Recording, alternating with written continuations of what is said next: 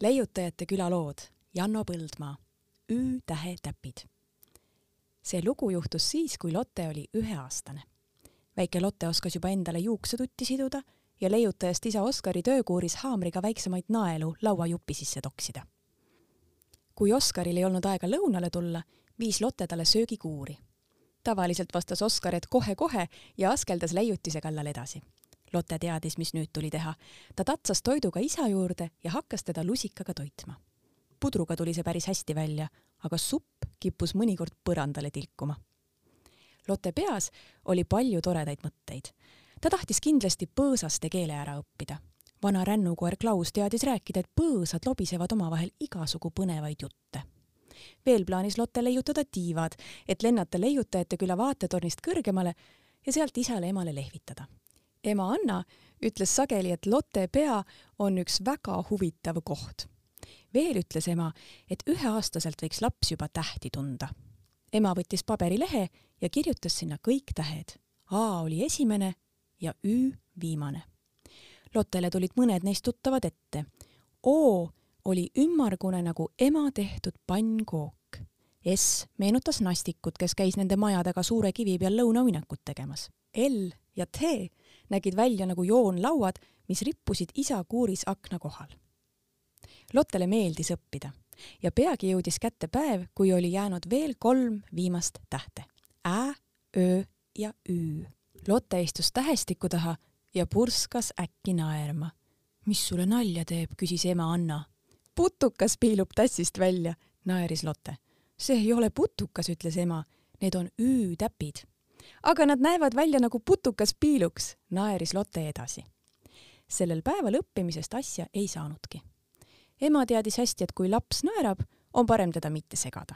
järgmisel päeval, kui Lotte jälle tähestiku taha istus, läksid tema silmad imestusest suureks. Ü-täpid olid päriselt kadunud. Nende asemel pikutas tühja tähe sees keegi putukas. kes sa oled, imestas Lotte. Paul, vastas putukas tähtsalt Lotte jooksis ema juurde. emme, Ü-täpid läksid ära, nüüd on seal hoopis üks putukas, tule ruttu.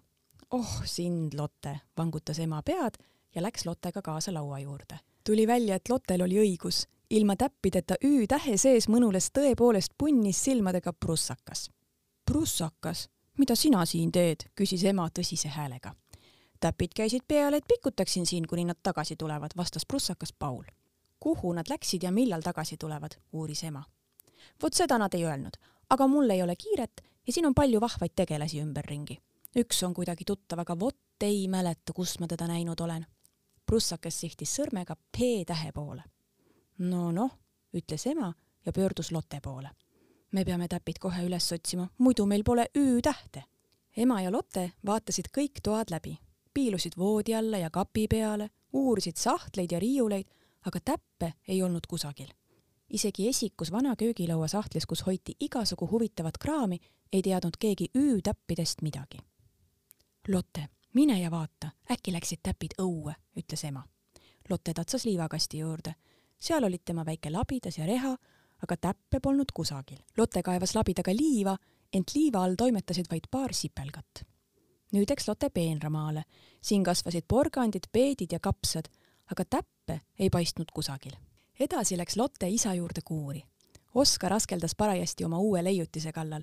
sellest pidi tulema niisugune masin, mis peseb, kuivatab ja triigib riided ära ja kui kõik valmis, laseb lõpetuseks ühe pika vile. isa, kas Ü-tähe täpid on sinu juures? Nad läksid minema, ütles Lotte. siin on ainult minu leiutised, vastas Oskar. aga kas sa väravast välja vaatasid? sealt võib mõnikord huvitavaid asju leida. Lotte tatsas värava juurde mööda teed marssisid lepatriinud, esimesel oli kepp käes, teisel kott üle õla, ülejäänud tulid hanerivis järele. Lotte luges lepatriinud kokku, neid oli täpselt kuus. veel märkas Lotte, et igal lepatriinul on selja peal viis täppi. tere, mina olen Lotte, mis te teete? meie oleme Ülo, Ülle, Ärni, Ännu, Öösi ja Öösike. me otsime huvitavat kohta, kuhu onn üles panna. miks? täna on lepatriinu ukupäev teatas lepatrinu Ülo tähtsalt. tema oli see, kes keppi käes hoidis. kui lepatriinud kuulsid, et Lotte ei tea, mis on lepatriinu ukupäev, tulid nad värava juurde ja hakkasid üksteisest üle seletades lepatriinu uku lugu rääkima. kunagi väga ammu otsustas Lepatrinu Uku endale kodu rajada.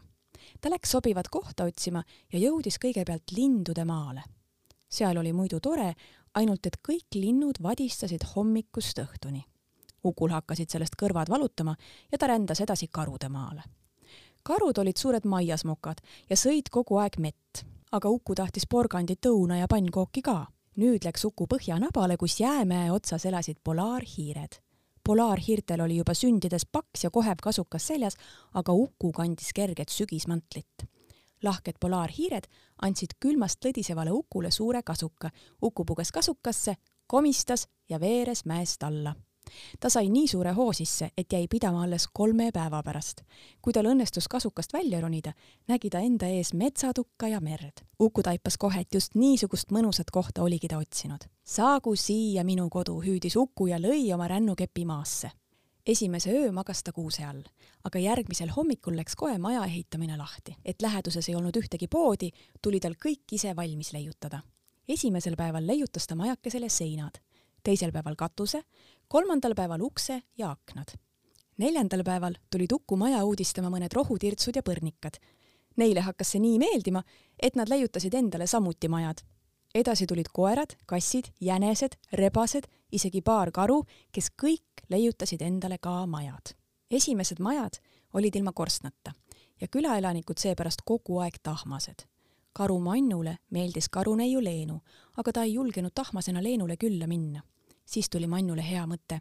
ta leiutas korstna ja pärast seda hakati küla kutsuma leiutajate külaks. nüüd kõnnivad Uku päeval kõik lepatriinud külas ringi ja otsivad huvitavat kohta, kuhu Uku onn püsti panna. see on niisugune traditsioon, lõpetas Lepatriinu öösi loo Ukust. mina tean ühte huvitavat kohta, ütles Lotte. oi, kas tõesti, rõõmustasid lepatriinud. palun näita meile ka. tulge aeda, kutsus Lotte lepatrinud läksid aeda ja hakkasid kohe huvitavat kohta otsima. vaadake, siin on vist üks huvitav koht või äkki see siin, minu meelest on hoopis see üks väga põnev koht. mis te sahmerdate, tulge minu juurde, hüüdis Lotte. lepatrinud jäid üllatunult seisma. aga sa ju ise ütlesid, et aias on üks huvitav koht. Lotte istus murule ja kummardus lepatriinude poole. ema ütleb, et minu pea on kõige huvitavam koht. Te võite oma onni minu pähe teha. miks ta nii ütleb? Küsis Lepatriinu Ülle. sellepärast, et siin on hästi palju huvitavaid mõtteid. lepatriinud hakkasid omavahel sosistama. olgu, ütles varsti Lepatriinu Ülo. me teeme Uku onni sinu pähe, aga sa pead lubama, et istud kogu aeg vaikselt. ma istun väga vaikselt. nüüd lõi Lepatriinu Ülo kepi Lotte kõrvale maasse ja hõikas täpselt nii, nagu Lepatriinu Uku oli seda kunagi ammu teinud. saagu siia minu kodu. ja kohe läks lahti onni ehitamine lepatrinud tõid kümme väikest oksa ja suure sületäie rohukõrsi. Lotte aitas selle kõik oma pähe tõsta. seal sikutasid lepatrinud oksad püsti ja sidusid ülevalt paari rohukõrrega kinni. ülejäänud rohukõrred põimiti okste vahele seinaks.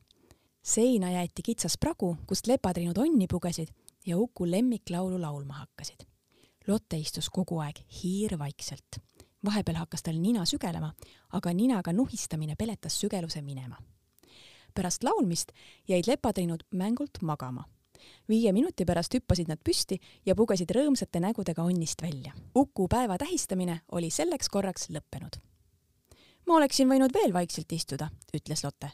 aitäh, ütlesid lepatriinud ning tahtsid oksad ja rohukõrred laiali võtta, et need siis aia äärde virna laduda Lottel tuli parem mõte. las onn jääb minu pähe edasi, siis saavad minu huvitavad mõtted seal pikutamas käia lepatrinud jäid nõusse, lehvitasid Lottele ja marssisid aiavärava poole.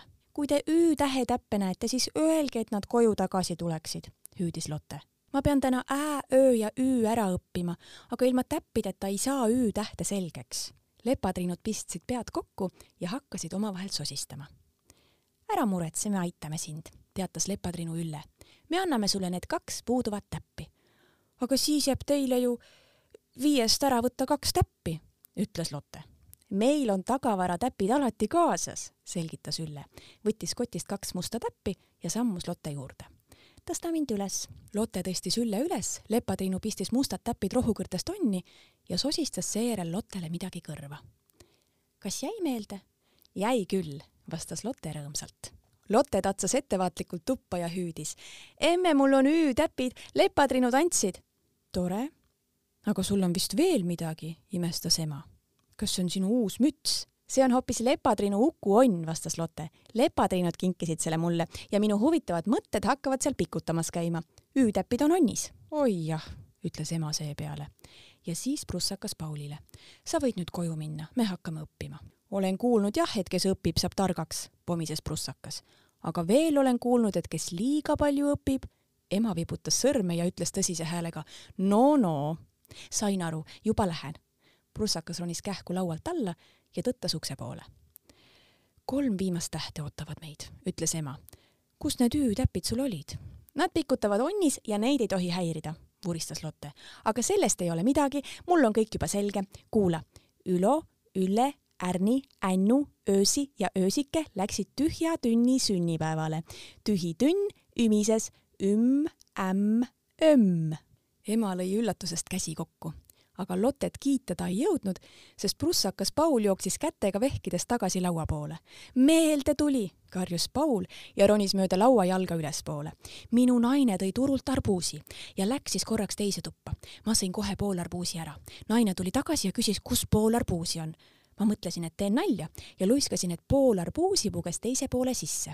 naine tõstis pooliku arbuusi üles ja hakkas seda uurima ja vot siis ta nägigi välja täpselt nagu see siin. Ning prussakas Paul tormas tähestiku keskele ja sihtis sõrmega P tähte